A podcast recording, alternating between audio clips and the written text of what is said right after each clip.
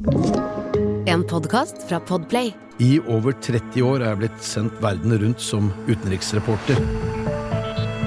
Ofte der krig og katastrofer har rammet hardt. Jeg har havnet tett på, noen ganger litt for tett på. Dette er noen av mine historier. Dette er noe av det jeg har sett og opplevd på nært hold.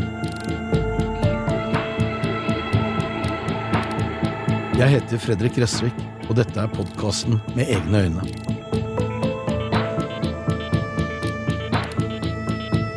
Denne episoden handler om terrorgruppa IS og bakgrunnen for at den kunne vokse fram. Nick Berg satt bakbundet på et gulv et sted i Bagdad og stirret rett fram mot videokamera. Bak ham sto fem menn med hetter over ansiktet.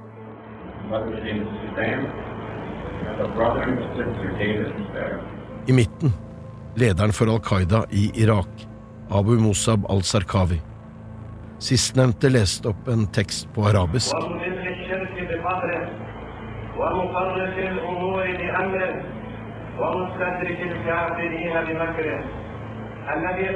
Det var 7. mai 2004. Litt over ett år siden USAs invasjon av Irak. Så skrek mennene høyt at Gud er størst. Allahu akbar.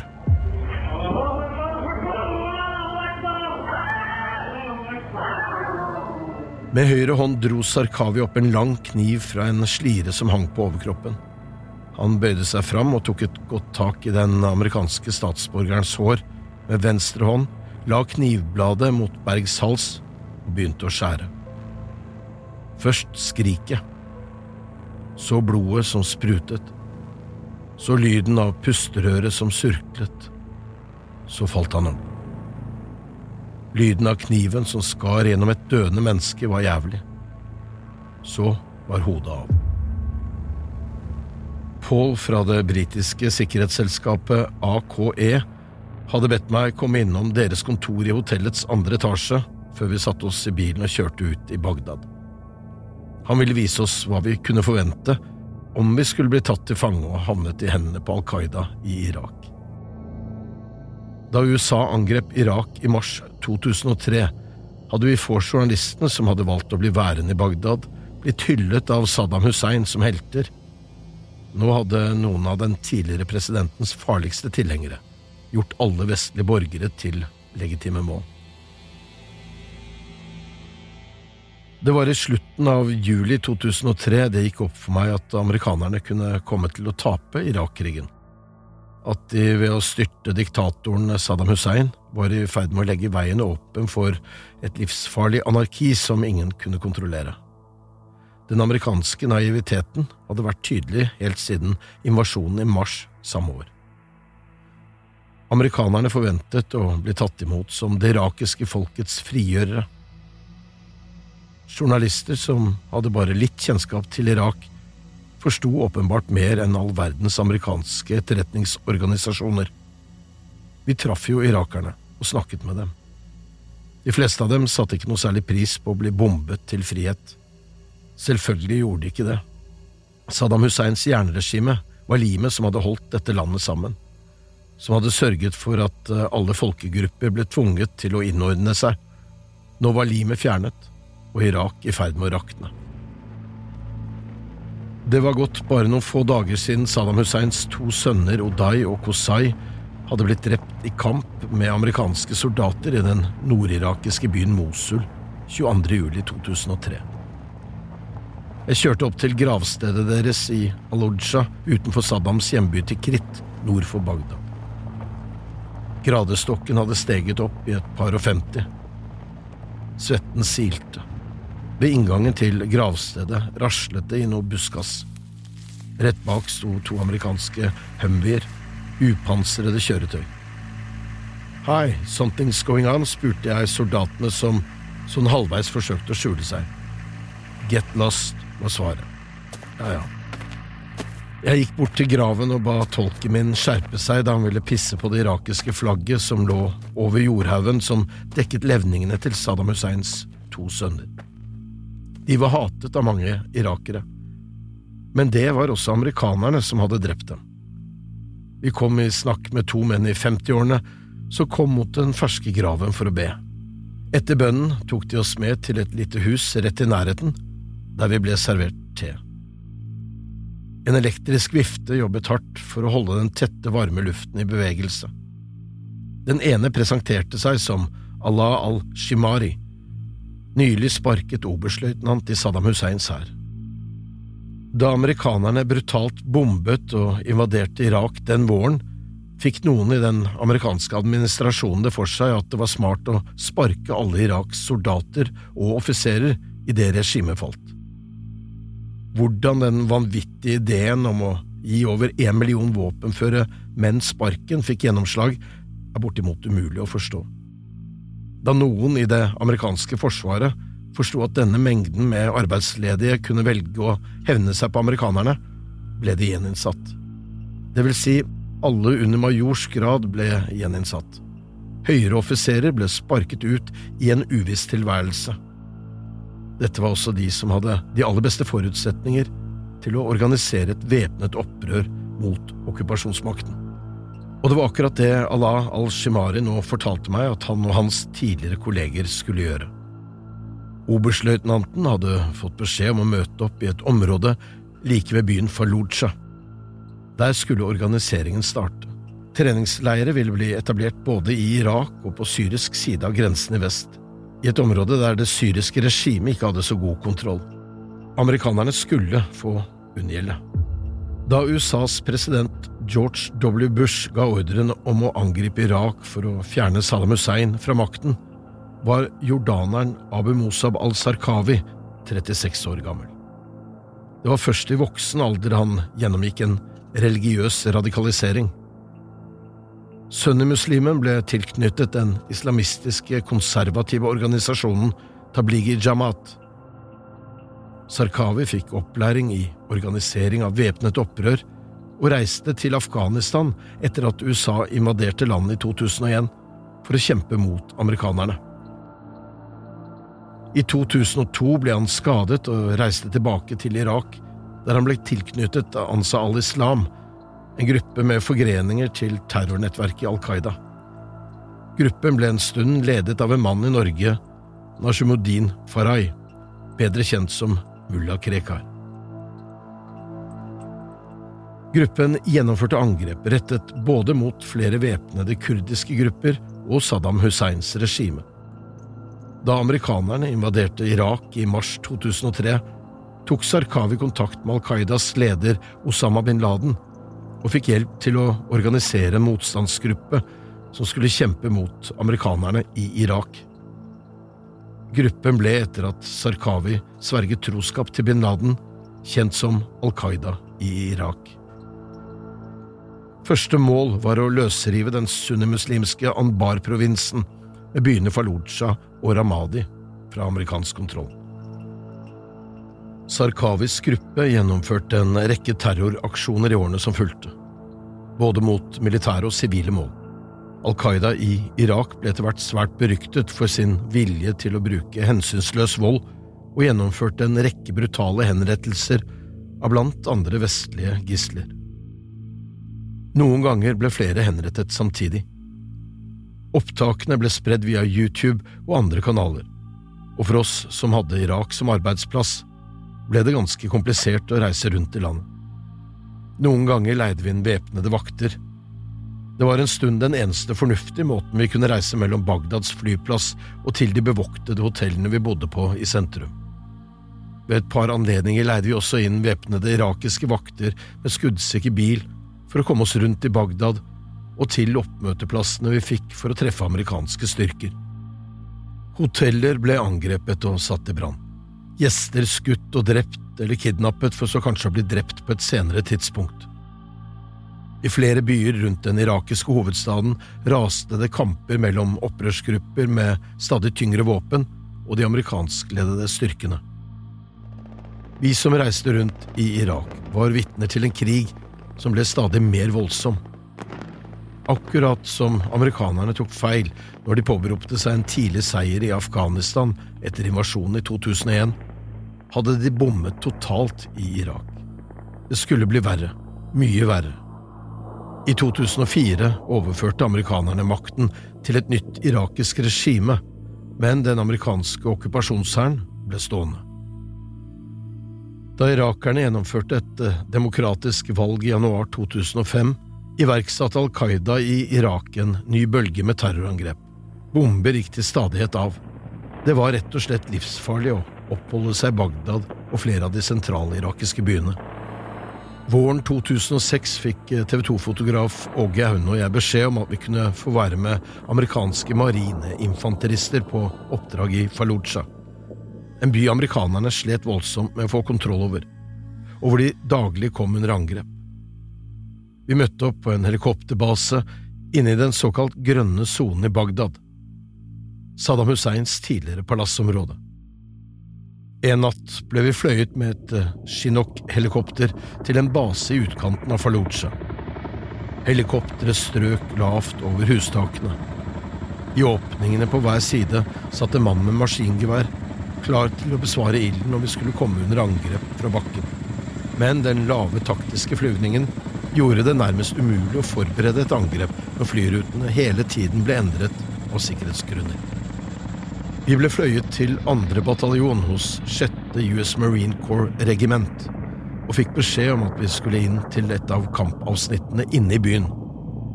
Der forsøkte amerikanerne etter beste evne å fravriste Al Qaida og andre opprørsgrupper kontrollen, men de ble møtt med betydelig motstand. I ly av mørket kjørte en amerikansk kolonne med pansrede biler gjennom Fallujahs gater. I front lå en Abrams stridsvogn på et eller annet tidspunkt gikk beltet på vognen av.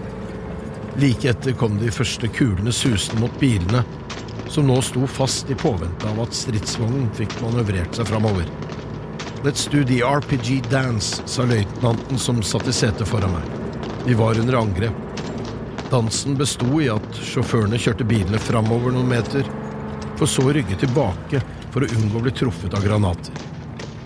Bevegelig mål er alltid vanskeligere å treffe enn en bil som står stille. Selv om Hummen jeg satt i kunne motstå kuler, var frykten hos oss alle at en granat skulle bli skutt og treffe et av vinduene. En eksplosjon inne i bilen ville trolig kostet oss alle livet. Etter hvert kom stridsvognen i gang igjen, og vi kom oss fram til basen som skulle bli vårt hjem de neste dagene. Mens vi var der, passerte det amerikanske tapstallet i Irak 2000 soldater, de fleste av dem drept etter at president George W. Bush hadde erklært seier i krigen. Amerikanerne hadde slått sammen to villaer og bygd opp høye betongmurer og svære sekker fylt med sand rundt husene. På taket og ved inngangspartiet var det konstant vakthold. Fra tid til annen ble det skutt både med håndvåpen, raketter og granater mot soldatene. De hadde en farlig jobb. Vi kjørte ut på patrulje. Korporal Jeff Fylkilt var skytter på bilen jeg satt i, og sto for det meste med overkroppen opp av takluka for å bemanne det fastmonterte maskingeværet. Han var på sin andre runde i Irak. Nå besto kampen i å bekjempe Al Qaida. Den unge korporalen sa at han forsøkte å ikke bekymre seg så mye, men han hadde opplevd å se venner bli såret og drept, og visste svært godt at han ikke hadde noen garanti for at han ville komme levende hjem. Troppen jeg var forlagt hos, fikk beskjed om å forberede et nattlig raid mot uh, to hus i utkanten av Fallujah, der en av lederne og flere av Sarkavis Al Qaidas soldater skulle oppholde seg. Jeg ble med ut. Etter en kort biltur gjennom byen gikk vi over et myrlendt terreng for å komme så stille som mulig mot huset. Men rett før vi nådde fram, begynte en hund å gjø. Gruppen med soldater delte seg to og stormet mot husene. Jeg løp rett bak en branndaven sersjant, som rett og slett løp ned inngangsdøra med automatrifla skuddklar. Sju–åtte andre soldater stormet inn bak meg med våpenet hevet og rettet lommelykter mot en gruppe kvinner og barn som hadde ligget og sovet på madrasser på gulvet.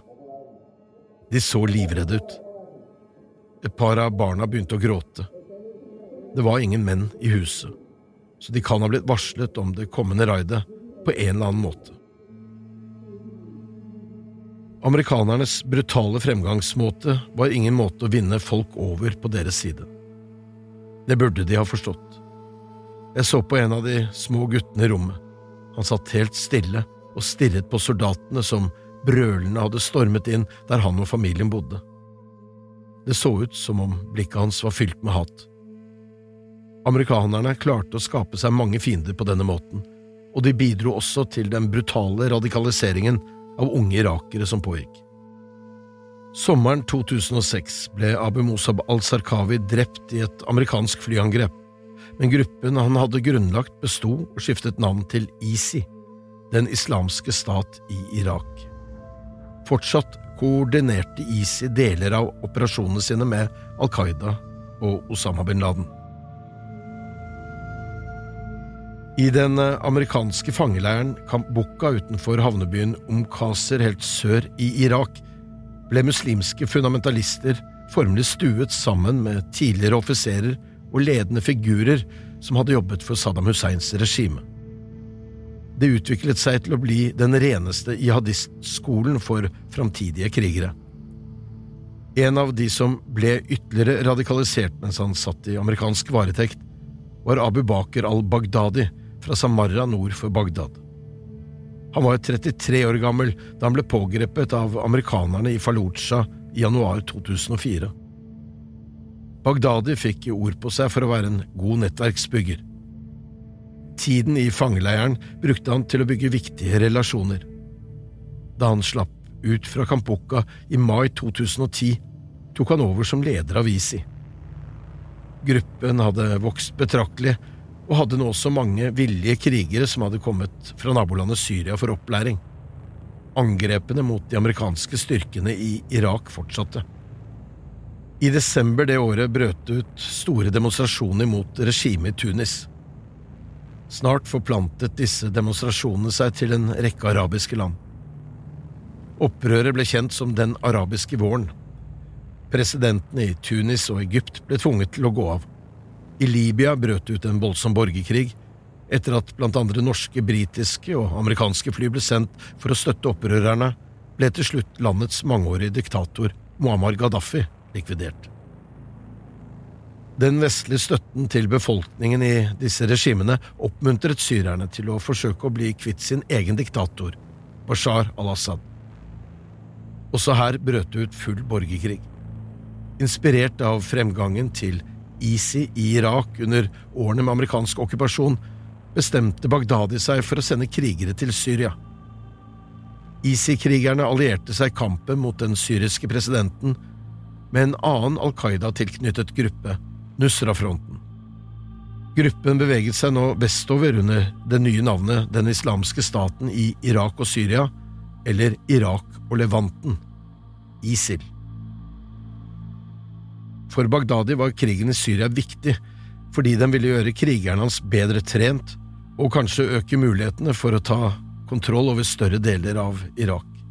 I tillegg førte den oppmerksomheten som hele verden nå rettet mot borgerkrigen i Syria, til at muslimer fra en rekke land vervet seg til den nye islamisthæren. Målet var å bygge opp en islamsk stat i deler av Syria og Irak. En stat der de korantro kunne leve etter eldgamle skikker. Men å tilrane seg store landområder kommer som regel med en pris. Både for de som angriper, og de som blir angrepet. Verden skulle snart få sjokk over de helt vanvittige metodene gruppens medlemmer skulle være i stand til å utsette mennesker for. Terror, drap, trusler, tortur og nær sagt all form for vold var metodene.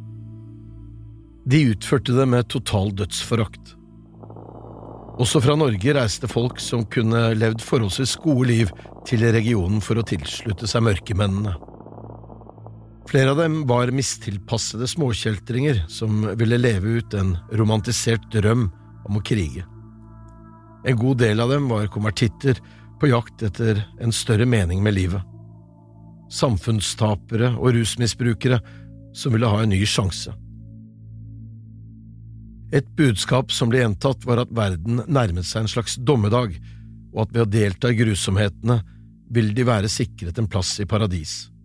Det hang ikke på greip.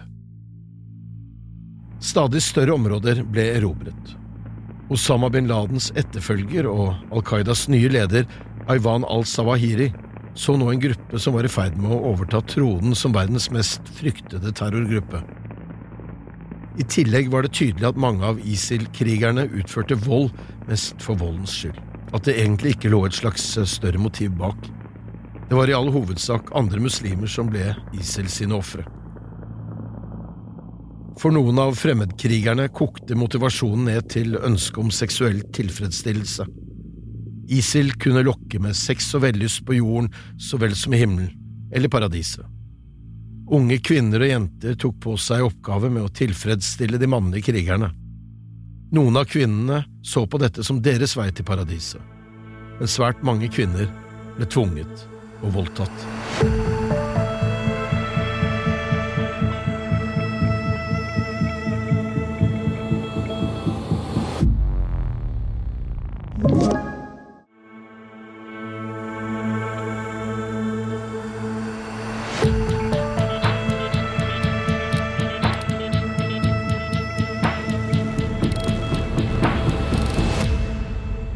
Via Nato-landet Tyrkia strømmet nye våpen og krigere til slagmarken.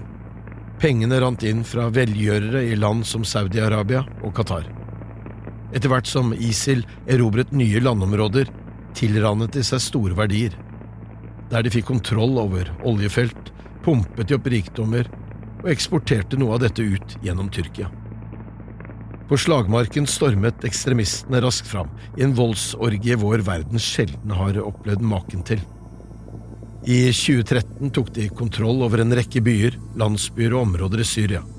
De henrettet sjiamuslimer og Assads støttespillere i stor skala.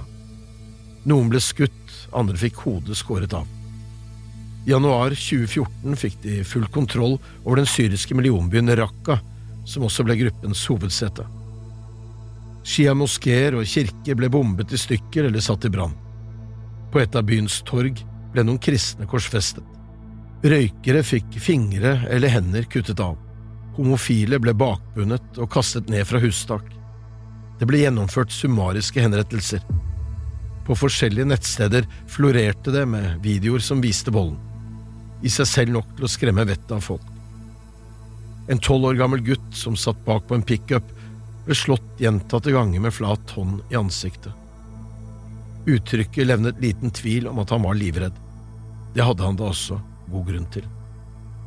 En lang kniv ble dratt fram, han fikk strupen skåret over.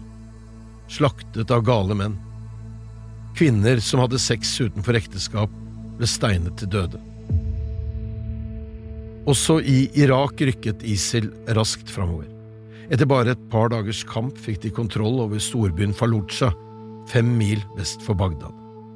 Stadig flere landsbyer i området falt da de irakiske forsvarsverkene kollapset. Militærstrategisk skulle ikke dette kunne skje. Irakiske sikkerhetsstyrker utgjorde én million væpnede menn.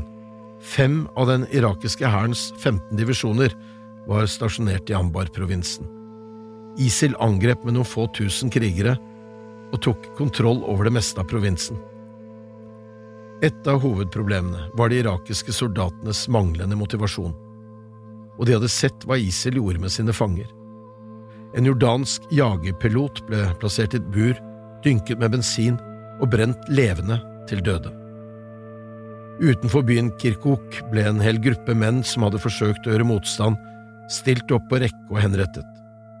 Et annet sted ble et stort bur fylt opp med mennesker før det ble senket i elven. Også norske fremmedkrigere deltok i galskapen. Irakiske styrker ble beordret om å ta tilbake kontrollen over Anbar, men forsyningslinjene var dårlige, og de gikk tom for mat, drivstoff og ammunisjon. Heller ikke gjentatte luftangrep ga resultater. 5000 irakiske soldater ble drept eller såret i slaget om Fallujah. Over 12 000 deserterte. De visste så altfor godt at fundamentalistene i ISIL ikke tok fanger. Det var bedre å stikke av. Slaget var tapt. I mars paraderte ISIL-soldatene gjennom Fallujas gater med amerikanske kjøretøy og annet militært utstyr som de hadde stjålet fra de irakiske styrkene. Det svarte, skrekkinngytende flagget vaiet over byen som amerikanerne gjentatte ganger hadde mistet grepet om det siste tiåret. Men gruppen opplevde også tilbakeslag. Det største kom da gruppens nestkommanderende Haji Baker ble drept i 2014. Han hadde lang erfaring som offiser i den irakiske hæren under Saddam Hussein, og var kjent som den beste krigsstrategen ISIL hadde. ISIL-ledelsen forsto hvordan de skulle få kontroll over befolkningen i tillegg til å true den, og sørget for å opprette tjeneste med et tilbud irakerne og syrerne ikke hadde hatt på lang tid, om i det hele tatt. Det var snakk om barnehager, skoler og helseinstitusjoner, i tillegg til fordeling av mat og brensel. Sommeren 2014 kontrollerte Bagdadis menn enorme områder som strakte seg ut på hver side av grensen mellom Syria og Irak, og de ville ha mer.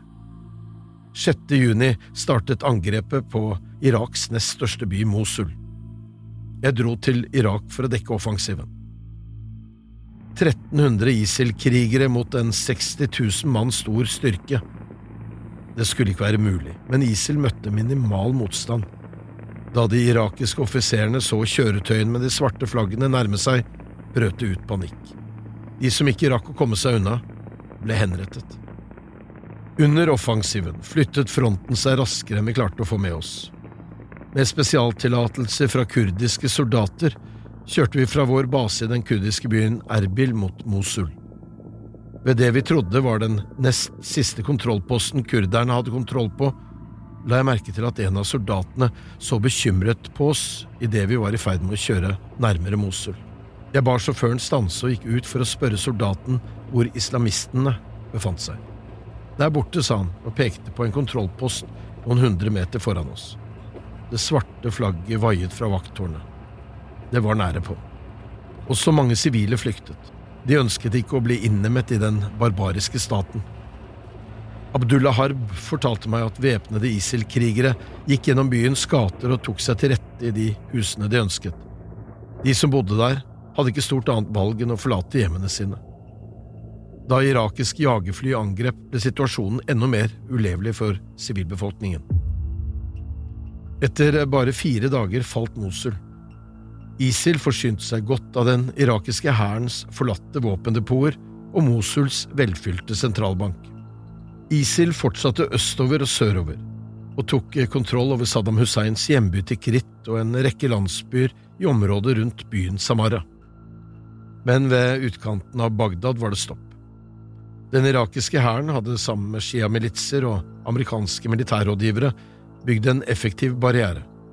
Kurdiske styrker hadde vist langt større forsvarsvilje, noe som bidro til at offensiven i nord stanset opp. Det ble inngått en form for våpenhvile mellom ISIL og kurderne. Under den første fredagen i fastemåneden ramadan sommeren 2014 gikk Abu Bakr al-Baghdadi opp på podiet i den fullsatte Noor al-Din-moskeen i Mosul. Iført en svart kappe og turban, og med TV-kameraene rettet mot seg, forklarte han verden at han hadde utnevnt seg selv til kalif for det islamske kalifatet. Heretter ville han ha navnet kalif Ibrahim. Så lenge jeg adlyder Allah, skal dere adlyde meg, men vender jeg meg vekk fra Allah, skal dere vende dere vekk fra meg, messet 43-åringen. Allahu akbar, ropte mennene foran ham i ekstase. Organisasjonen skiftet nå navn til IS, den islamske staten. وإن إخوانكم المجاهدين قد من الله تبارك وتعالى عليهم بنصر وفتح ومكن لهم den raske militære offensiven utløste nærmest umiddelbart en humanitær krise. Det nyerobrede området hadde en stor befolkning av religiøse minoriteter, inkludert 50 000 jesidier. Deres religion var en variant av islam med mange førislamske trekk, samt likheter med andre religioner som jødedom og kristendom. Av mange muslimer ble de oppfattet som vantro, noe som var mer enn god nok grunn for fundamentalistene i IS til å gå løs på dem sommeren 2014. Mennene ble massakrert mens kvinner og barn ble tatt til slaver. Unge jenter ble solgt som sexslaver til IS-krigerne.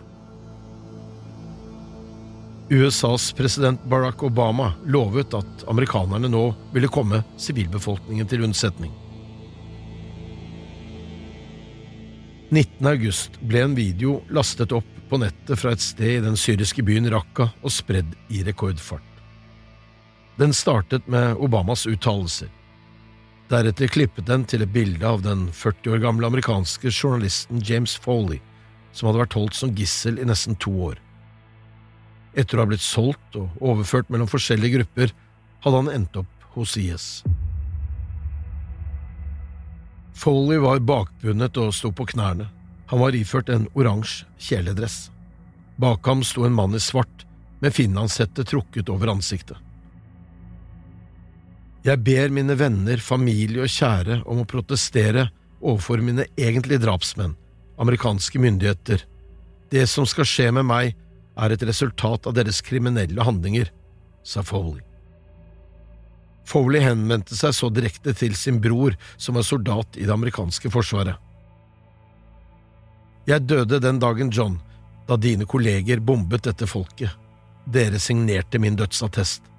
Jeg skulle ønske jeg ikke var amerikaner, avsluttet han. Så tok mannen med finlandshetten ordet. Mannen med kallenavnet Jihadi John ble senere identifisert som den Kuwait-fødte britiske borgeren Mohammed Mwazi. This is James Wright an American citizen of your country. As a government, you have been at the forefront of the aggression towards the Islamic State. You have plotted against us and gone far out of your way to find reasons to interfere in our affairs. So any attempt by you, Obama, to deny the Muslims their rights of living in safety under the Islamic Caliphate will result in the bloodshed of your people. 26-åringen beskyldte USA for å være den aggressive parten, før han dro fram en svær kniv, la den mot Follies strupe og begynte å skjære. Så kom bildet av en annen amerikansk journalist, Steven Sotloff, i samme drakt og samme positur. Bødlens øyne var rettet mot kamera. Livet til denne amerikanske borgeren Obama er avhengig av din neste avgjørelse. Today, the entire world is appalled by the brutal murder of Jim Foley by the terrorist group ISIL. Jim was a journalist, a son, a brother, and a friend.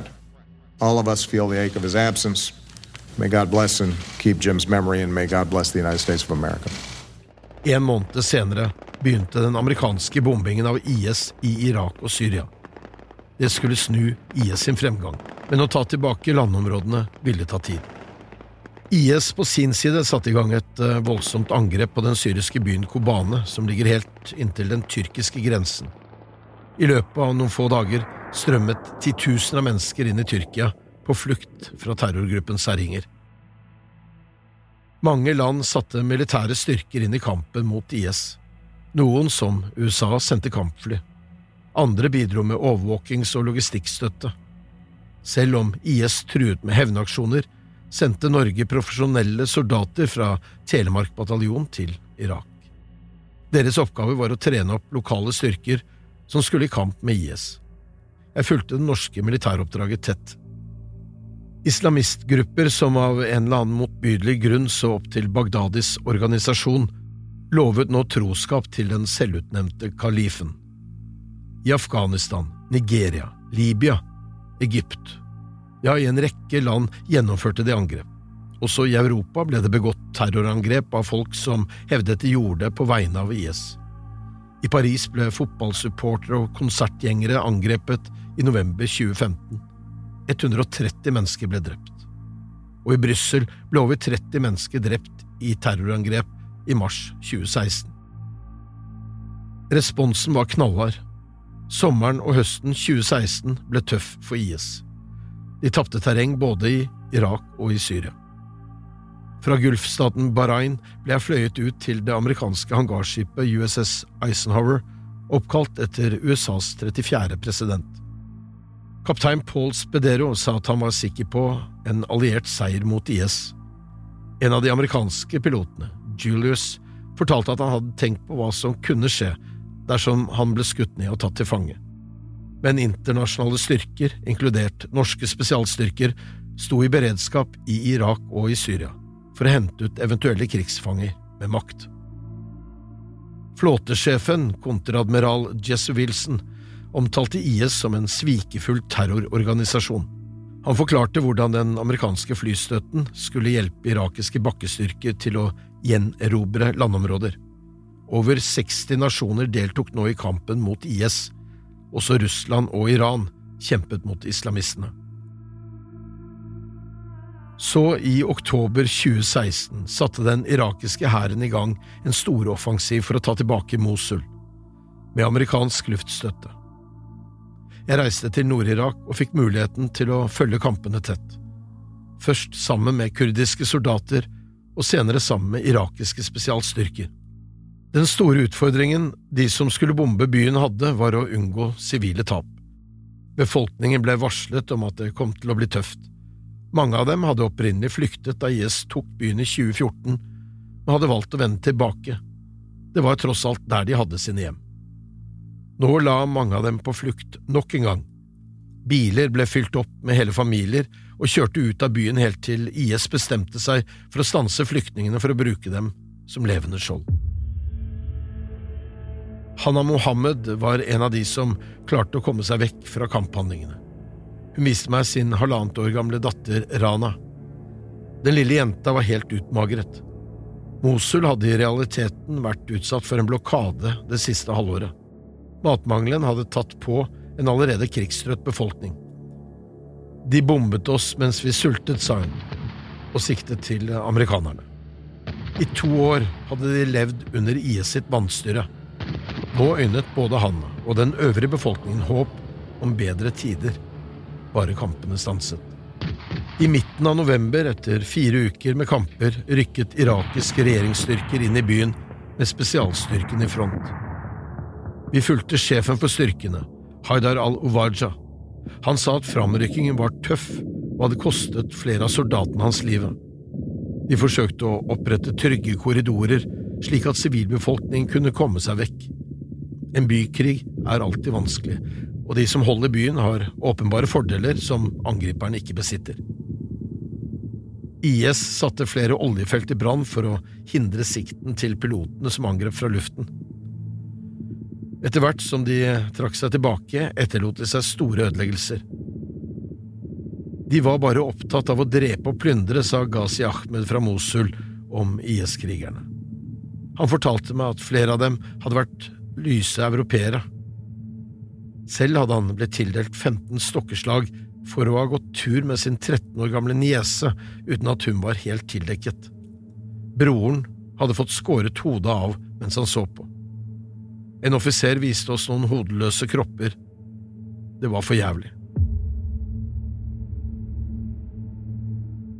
Kvinnene som flyktet, kastet ansiktsslørene de var tvunget til å bære etter hvert som de kom seg sikkerhet bak de irakiske styrkene. Mosul var i ferd med å falle. Mandag 14. november kjørte vi inn i Mosul. Vi hadde fått tak i en skuddsikker landcruiser og satt selv bak rattet. I bilen satt også TV 2s fotograf Åge Aune og den kurdiske tolken Salman. Vi passet hele tiden på å ikke krysse frontlinjen. Desperate IS-krigere var det siste jeg ville møte. Vi stilte oss opp på en høyde i byen for å gjennomføre en direkte rapportering til TV 2. Rett bak meg var de irakiske styrkene, og bortenfor dem igjen lå fronten. Men IS hadde allerede vist at de hadde folk som var villige til å bli igjen etter at fienden rykket frem, for så å gjennomføre bakholdsangrep. Åge filmet meg mens jeg rapporterte.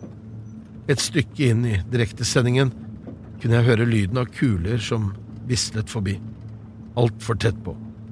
TV-seerne hjemme i Norge kunne se hvordan en byge fra et automatvåpen slo ned i sanden rett ved siden av meg. Et prosjektil fra en snikskytter landa bare noen meter fra reporter Fredrik Gressvik og fotograf Åge Aune.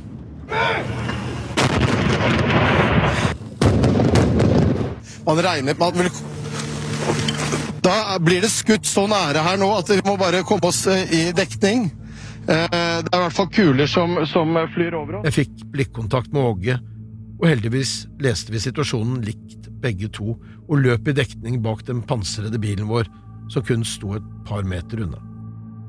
Vi fortsatte rapporteringen, og jeg forklarte hva som skjedde. Skyteepisoden fikk mye oppmerksomhet i norske medier. Sånn er det når norske liv er i fare eller går tapt. Det ble en debatt om hvorvidt norske journalister tok for store sjanser. Men skulle vi dekke krigen skikkelig, var vi nødt til å risikere noe. Fredrik, nær truffet av prosjektil, og folk spør seg kanskje hva er det du og fotograf Åge Aune holder på med? Tar du og Åge sjanser det ikke bør ta?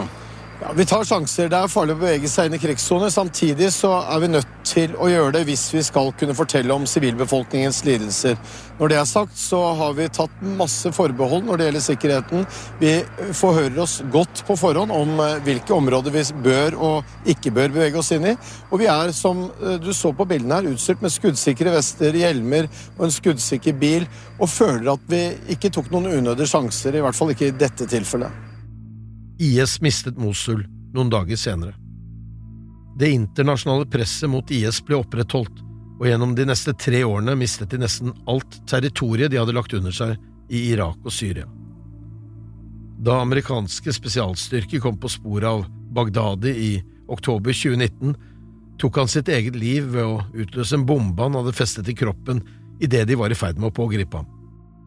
Abu Mohammed al-Hashimi al-Quraishi tok over som leder av gruppa.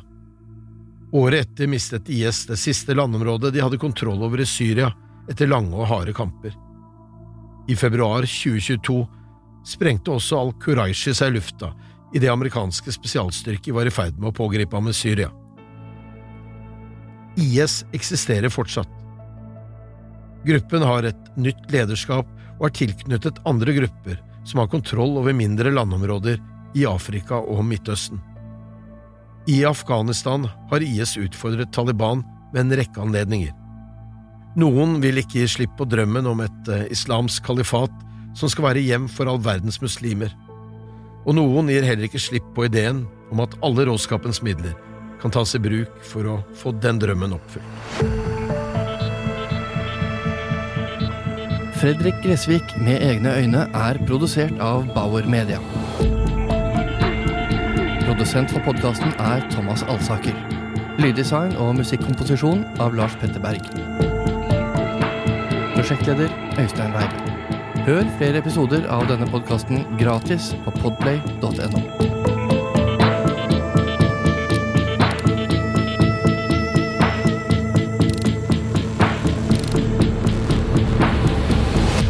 Du har hørt en podkast fra Podplay. En enklere måte å høre podkast på. Last ned appen Podplay eller se podplay.no.